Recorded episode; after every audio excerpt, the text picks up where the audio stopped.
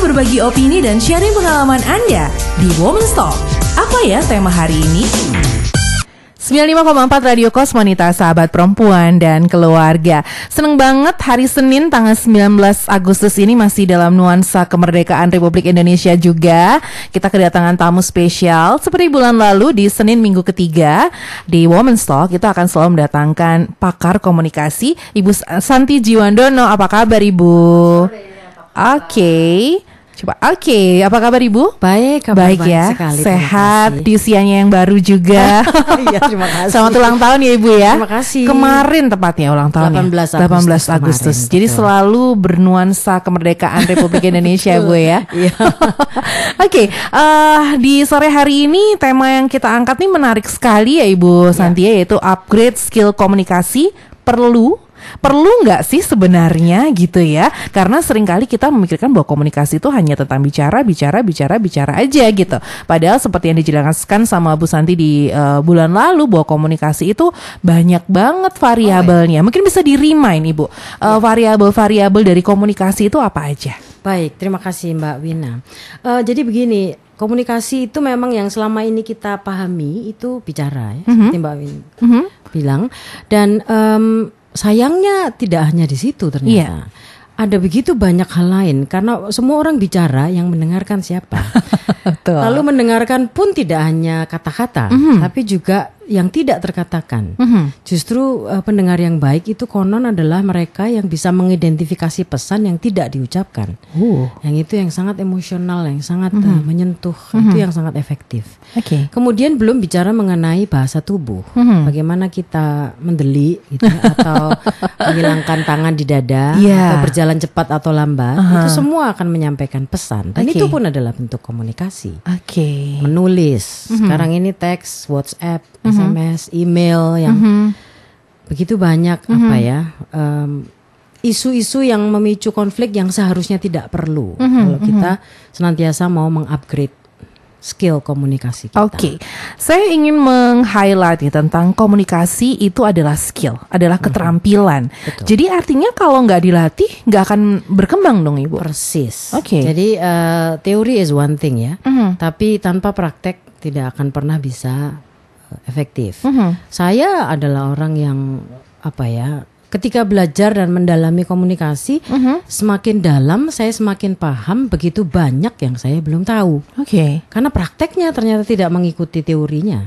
Prakteknya Sayanya. tidak. Oh, Oke. Okay. Saya itu okay. baca banyak sekali, uh -huh. uh, mendengarkan orang banyak sekali uh -huh. gitu ya. Tapi prakteknya sudah harusnya lebih frekuensinya disamakan. Oke. Okay. Karena ketika praktek itu beda sekali ternyata mm -hmm, rasanya mm -hmm, gitu. Mm -hmm, Dan ternyata tidak semudah yang yang saya pikirkan. Oke. Okay. Saya sudah sebagian besar belajar public speaking dan mm -hmm. presentasi. Sekarang saya mulai fokus ke mendengarkan. Oke. Okay. Ternyata is totally different game gitu. Oke, okay.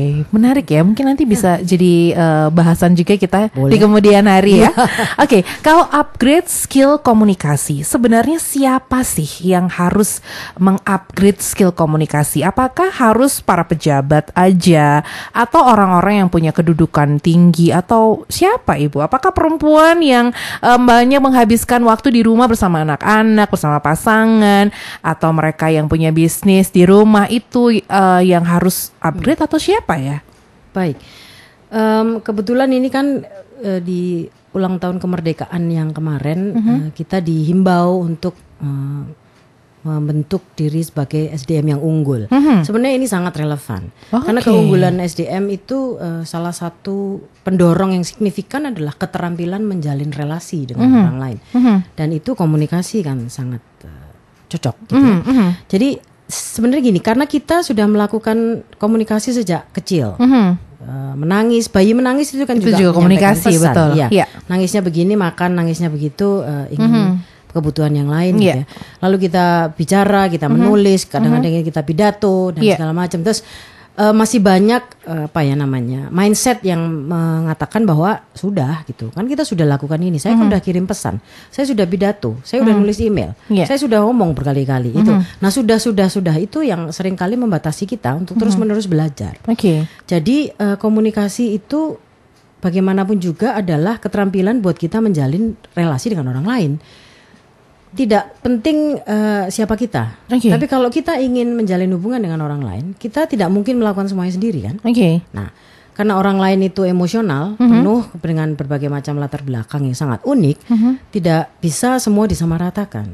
Jadi kemampuan untuk memahami orang lain, kemampuan untuk menyampaikan pesan yang urut, Oke. kemampuan untuk menyusun kalimat dengan benar, Oke. untuk men- tadi mendengarkan bahasa tubuh hal-hal yang tidak terkatakan, itu semua adalah skill-skill yang harus di apa ya dilatih terus Disadari, semua. disadari untuk Sadari. dipelajari. Betul. Wow, mungkin ada di antara anda yang tersentil gitu ya. Kalau selama ini ngerasa udah cukup. eh, jadi komunikasi itu bukan hanya tentang suara yang indah Ya. atau kata-kata yang berbunga-bunga ya, Bu Santi ya. Jadi Exactly. semua orang mesti upgrade. Caranya gimana, Ibu? Ke siapa atau bagaimana gitu? Kan apakah kalau yang eh, di kantor mungkin beruntung nih ya, didatengin mentor-mentor, misalnya Ibu Santi juga datang ke kantor-kantor untuk eh, di-upgrade nih skill komunikasinya nih gitu karena kantor. Tapi kalau misalnya kita yang ada di rumah gimana nih belajarnya? Be- sebenarnya pertama tadi Mbak Wina sudah menyampaikan suatu poin yang sangat penting. Terima dulu. Oke. Accept bahwa uh, komunikasi itu adalah sesuatu yang harus kita pelajari terus menerus. Oke. Jadi Tidak pernah bisa berhenti karena kita ketemu orang baru. Mhm. Kita berubah. Mhm. Orang lain pun berubah. Oke. Pasangan suami istri itu kan juga masing-masing sebenarnya berubah. Iya. Kita nggak sadar Sesuai semua. dengan sesuai dengan ketuntutan zaman, Iya, sesuai betul. dengan kesadaran diri dan segala macam.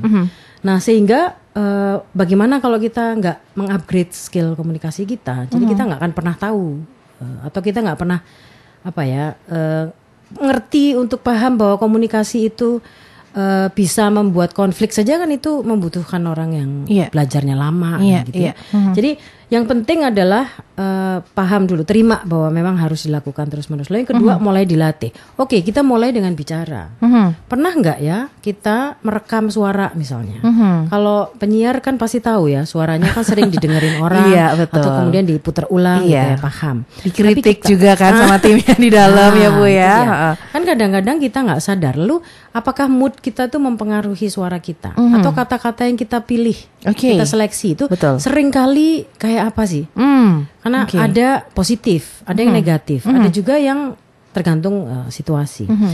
Kemudian selain itu evaluasi, artinya yang pertama tuh evaluasi dulu. Saya tuh mengevaluasi terus menerus dan setiap kali evaluasi selalu menemukan ruang untuk perbaikan. Oke. Jadi nggak pernah puas di uh, satu kondisi. Mhm, Kemudian belum tadi bicara mengenai mendengarkan. Mendengarkan itu sebenarnya latihan yang paling gampang adalah ketika orang lain bicara sudah diem aja, jangan terburu-buru motong, Oke. jangan diganggu dengan pikiran untuk mau menjawab, tapi benar-benar serap dan telan itu semua informasinya. Karena dengan begitu kita bisa mengidentifikasi tidak hanya kata, tapi uh, wajah, lalu cara duduk, cara berdiri. Ketika dia bicara mengenai certain terms, kan kemudian ada ekspresi yang sedikit berubah, itu semua adalah informasi loh, dan itu Oke. sangat berharga. Oke. Lalu eh, menulis masih masih banyak sekali ya, tapi Iya. eh, kita emo, eh, manusia yang penuh perasaan dan emosional, Uh-huh. hanya dengan mengadres the emotion kita bisa menjalin relasi itu dalam gitu, bermakna. Oke, Karena kita tidak ngomong dengan robot, robot nggak punya perasaan. Iya iya iya.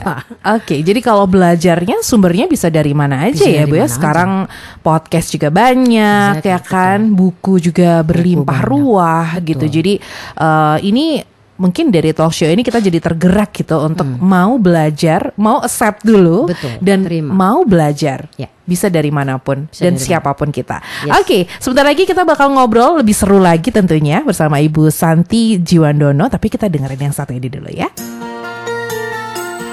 Radio Cosmonita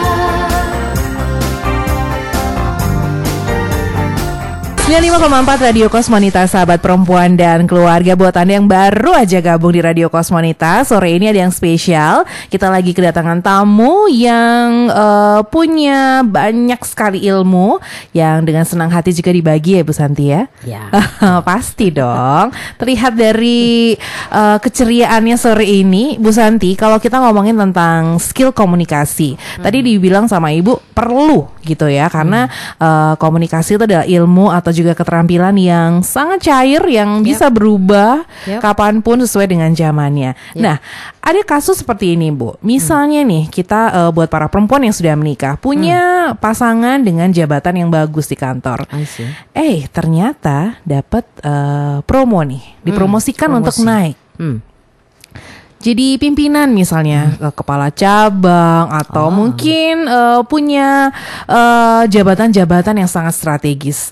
Secara tidak langsung sebagai pasangan pasti juga naik juga kan ibu ya. Betul.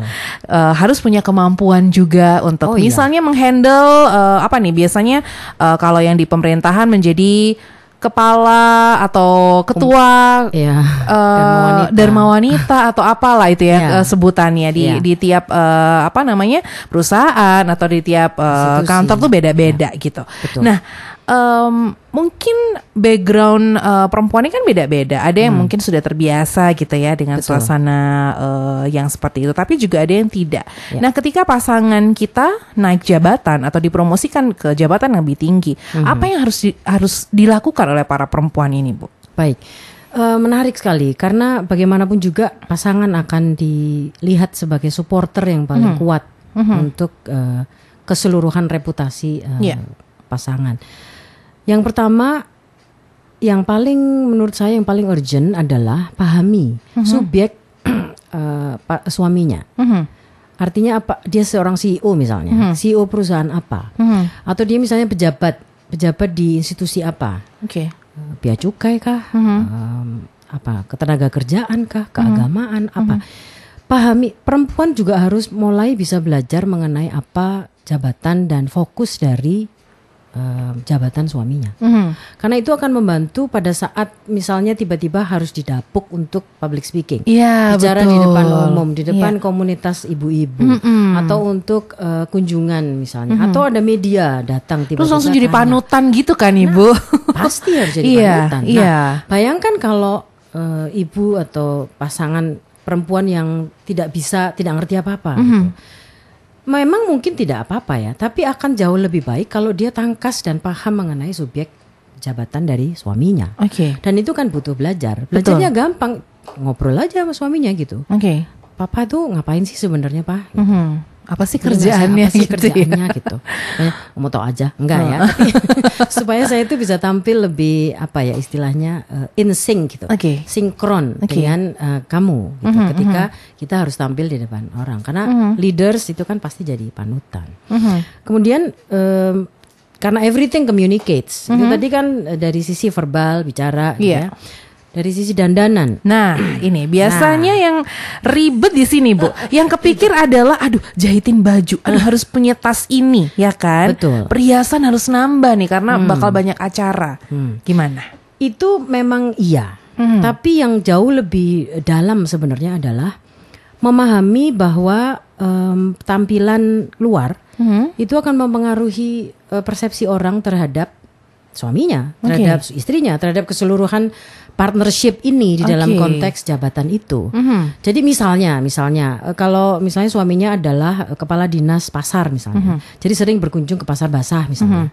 Ya janganlah pakai itu gelang yang renteng-renteng gitu Iya, kan. iya, atau oke. cincin yang segede gaban, Aha. sehingga ketika nanti di shoot oleh media misalnya gitu kan kena Jadi cabe dan bawang itu kan nggak lucu gitu. ya. Dan netizen juga jahat loh, Ibu. Sekarang jangan lupa. Nah itu dia.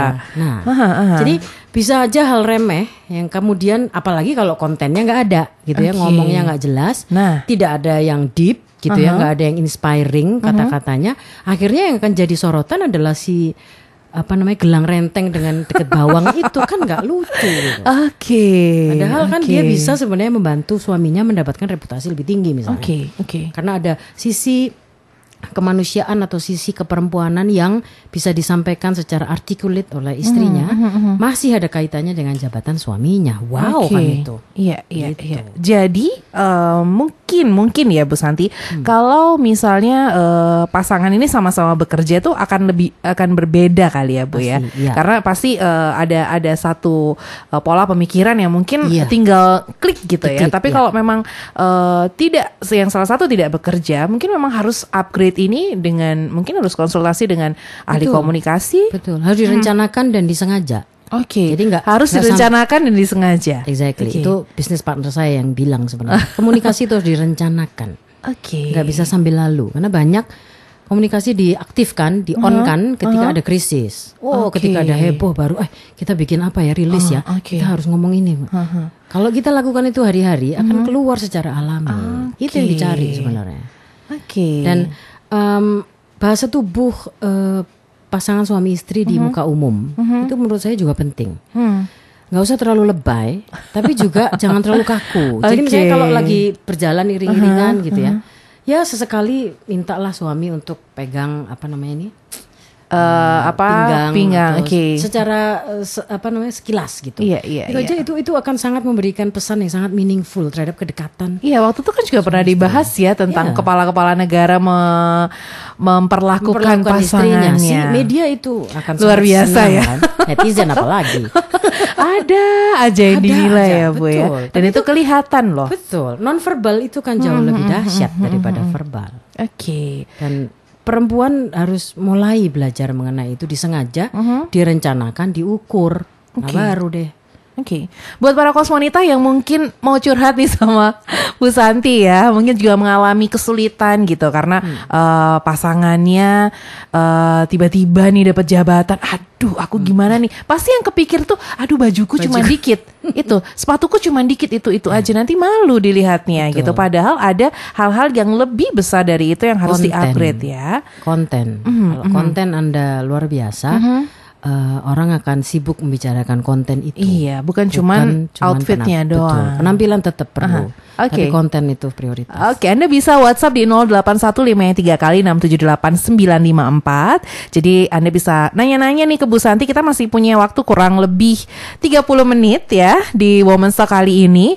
Dan jangan lupa nih tema kita adalah upgrade skill komunikasi. Perlu? Nah, jawabannya perlu sih, cuman seperti apa caranya? Nah, kalau tadi tentang eh, perempuan yang harus upgrade skill karena posisi atau jabatan dari pasangannya, Bu Santi. Tapi kalau misalnya kita para perempuan yang bekerja, gimana nih? Misalnya kita bener-bener nih dari awal gitu ya meniti karir dari bawah banget, kemudian di tahun kedua nih naik nih mulai jabatan dipercaya jadi supervisor mungkin. Nah, em, skill komunikasi yang seperti apa nih? Karena kantor kan juga macam-macam ya ibu ya.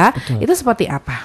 Nah, kalau promosi di dalam konteks eh, profesional karir perusahaan, promosi itu artinya kan menjadi leader, right? Karena yang Iya. tadinya mungkin ber- sendiri, sekarang tiba-tiba ada Ada tim. Ada tim. Mm, iya. Artinya em, sorotan atau fokus kepada leader itu akan jauh lebih apa lebih ketat. Iya. Jadi uh, apa pun yang kita uh, leaders katakan, uh, leaders pakai cara dia merespon uh, masalah itu semua akan menjadi bahan per- uh, pertimbangan bagaimana orang menyimpulkan persepsi terhadap leaders. Jadi ya ten- tentu saja itu mau nggak mau tetap harus diupgrade. Oke. Artinya kalau dulu hanya di belakang meja, sekarang tampil di depan. Oke. ya kan? Kalau dulu mungkin hanya apa tuh istilahnya, submit tulisan, sekarang harus mengedit tulisan. Kan itu ada, Itu ada upgrade. oh iya, upgrade-nya, betul. Dan betul. Hmm. itu harus dilakukan dan karena leaders dia kan di follow. Mhm. Nah, hati-hati kalau di Oke. follow. Jadi itu udah nggak bisa dihindari lagi ya Nggak bahwa ketika di satu sisi kita happy gitu, bukan cuma salary yang nambah ya, Iya. tapi juga tanggung jawabnya pasti nambah secara otomatis juga.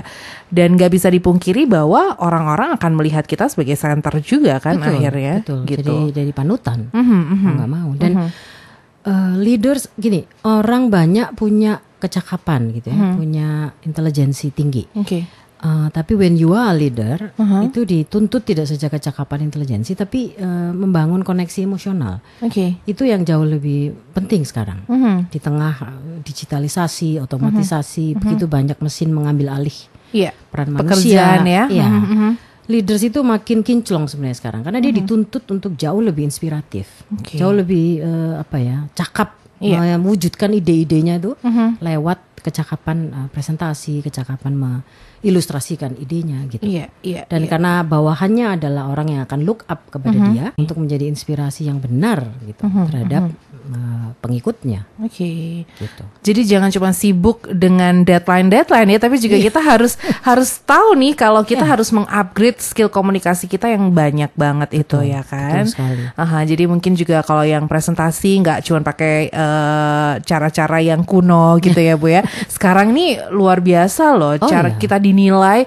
Betul. Kok, kok pakai itu aja sih gitu Iya, ya iya. kan? Dan begitu banyak eh, engineers, eh, Mhm. orang-orang di belakang Google, di belakang Cisco, Mhm. apa namanya yang apa namanya Silicon Valley yang Mhm. hebat-hebat itu adalah engineer-engineer yang bisa mengilustrasikan atau menyampaikan idenya itu menjadi mudah dipahami. Oke. Justru itu yang sekarang dicari. Oke. Jadi mereka akan baru dipanut ketika atau dianut ketika Mhm. mereka bisa menerjemahkan ide yang gila-gila yang Mhm. canggih-canggih itu. Oke, semakin hangat, semakin seru buat anda yang eh, semakin penasaran juga gimana sih untuk mengupgrade skill komunikasi. Kita masih punya eh, satu sesi lagi dengan Ibu Santi Jiwandono. Anda boleh ya sekali lagi untuk WhatsApp mau nanya-nanya nanti bakal dijawab eh, satu persatu eh, oleh Ibu Santi. Anda tinggal WhatsApp aja di 0815 kali 678 954.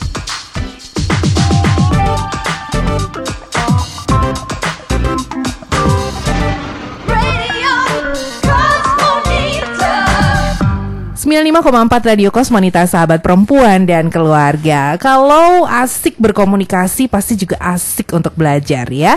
Dan eh, sore hari ini sudah ada Ibu Santi Jiwandono yang selalu punya cerita-cerita seru tentang ilmu komunikasi yang memang harus di-upgrade nih skillnya para Kosmonita.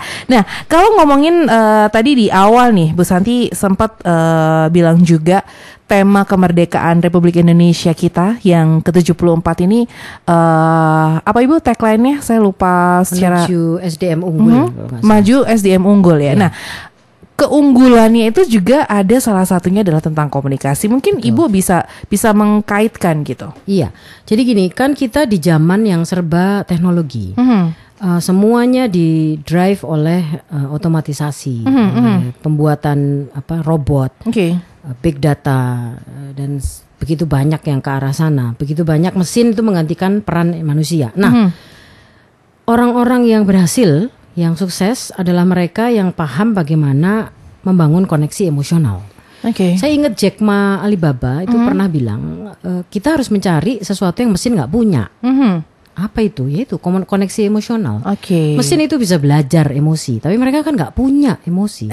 Iya, yang punya iya, itu iya. kita. Iya. Nah, kitalah yang sebenarnya punya eh, peran. Mhm. Bagaimana bisa tetap stands out, Mhm. menonjol di tengah segala eh, dunia yang sedang me- mendigital ini. Mhm. Mhm. Nah, oleh karena itu salah satu em, syarat untuk menjadi SDM yang unggul adalah yaitu kecakapan memahami, mendeteksi emosi sendiri dan emosi orang lain. Oke. Bagaimana menjalin relasi yang bermakna. Mhm. Bagaimana ide dan konsep yang begitu hebat itu disampaikan, dipresentasikan dengan compelling ya, dengan Oke. menarik dan menginspirasi. Mhm. Itu tuh semua adalah kecakapan-kecakapan komunikasi. Oke, Itu oke. dia. Kalau eh, di awal sampai di pertengahan obrolan kita ini memang ingin mengajak gitu ya para Hmm. para kosmonita untuk untuk mau belajar, accept kemudian mau belajar. Betul. Nah kalau dari sisi ibu sebagai trainer gitu ya, Hmm. sebagai dosen juga, dosen komunikasi, em, sebenarnya ketika proses belajar, kalau Hmm. misalnya itu memang eh, by trainer ya ibu, apa sih eh, latihan-latihannya itu seperti apa?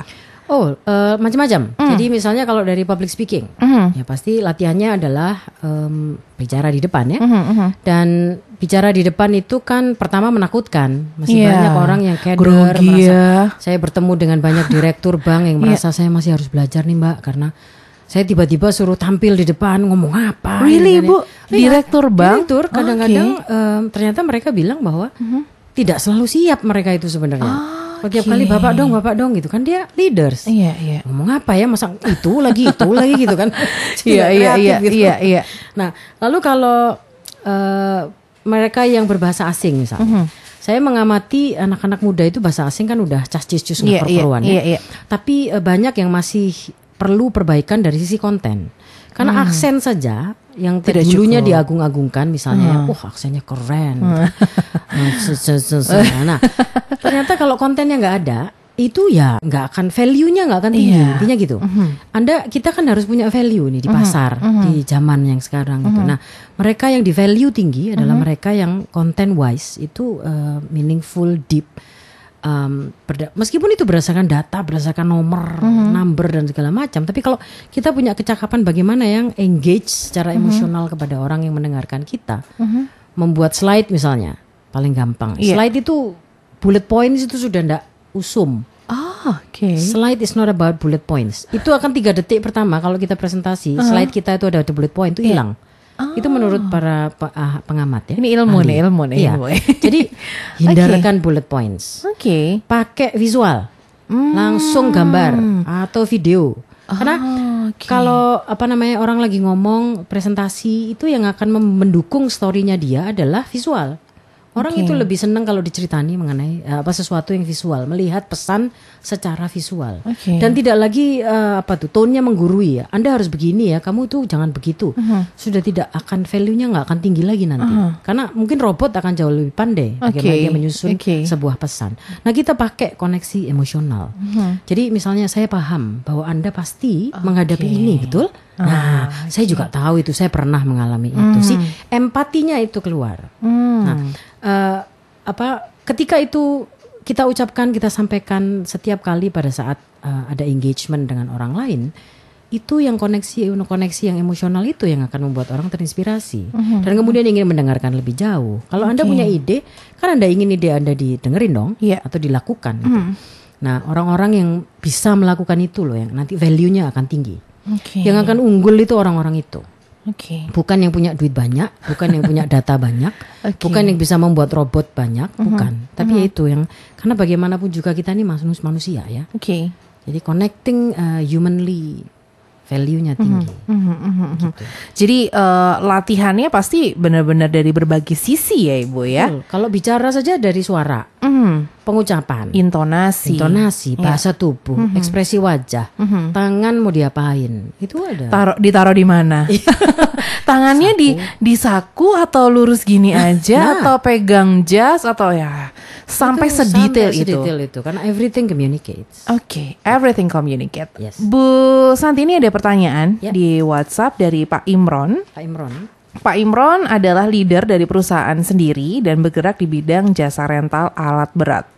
Ya, ketika saya briefing dengan tim bawahan atau dengan staff, dengan jajaran direksi, saya oke bisa bicara lancar sesuai dengan ekspektasi. Tapi ketika harus ditunjuk oleh kalayak, misalnya jadi pembicara yang mewakili, eh, menerima mempelai putri atau jadi di paguyuban gitu, sering kali eh, bahan bicaranya itu tiba-tiba hilang gitu aja dan akhirnya eh, diomongkan walau eh, intinya tuh tidak tidak tidak nyampe gitu bu. Ini gimana? Jadi ini mungkin kalau di kantor beres ya, tapi dipikirnya eh, untuk ngomong atau mewakili atau di acara-acara formal lainnya malah bingung nih, Betul. Pak Imron. Gimana bu? Iya, baik. Terima kasih Pak Imron. Pertanyaannya begini, em, berarti Pak Imron ini sedang berusaha untuk keluar dari zona nyaman ya. Berarti Pak Imron sebenarnya sudah membentuk zona nyamannya di Oke. dalam konteks pekerjaan Oke. profesional. Tapi ketika keluar dari situ Mhm. Tidak eh, kemudian agak-agak gagu gitu ya. Mhm, Nah, berarti gini, kecakapan komunikasi itu kan ada kait eh, Pak Erat kaitannya dengan frekuensi, Mhm. dengan eh, repetisi, Mhm. dengan keseringan eh, bicara. Jadi menurut saya lebih banyak ditambah em, konten atau isi Mhm. Atau bicara di suasana-suasana yang seperti itu sosial Oke. yang di luar kantor. Suasana yang sosial ya, diasah- Bu, iya. ya. Jadi yang diasah adalah itu. Teorinya sama. Artinya kalau mau ses- seserahan misalnya, ya pahami siapa namanya. Lalu apakah ada kisah-kisah di balik itu yang sangat emosional misalnya yang Jadi ada Gitu. pencarian eh, info dulu sebelumnya ada ya. preconditioning supaya ngomongnya relevan. Iya, kan gitu. iya. Oke.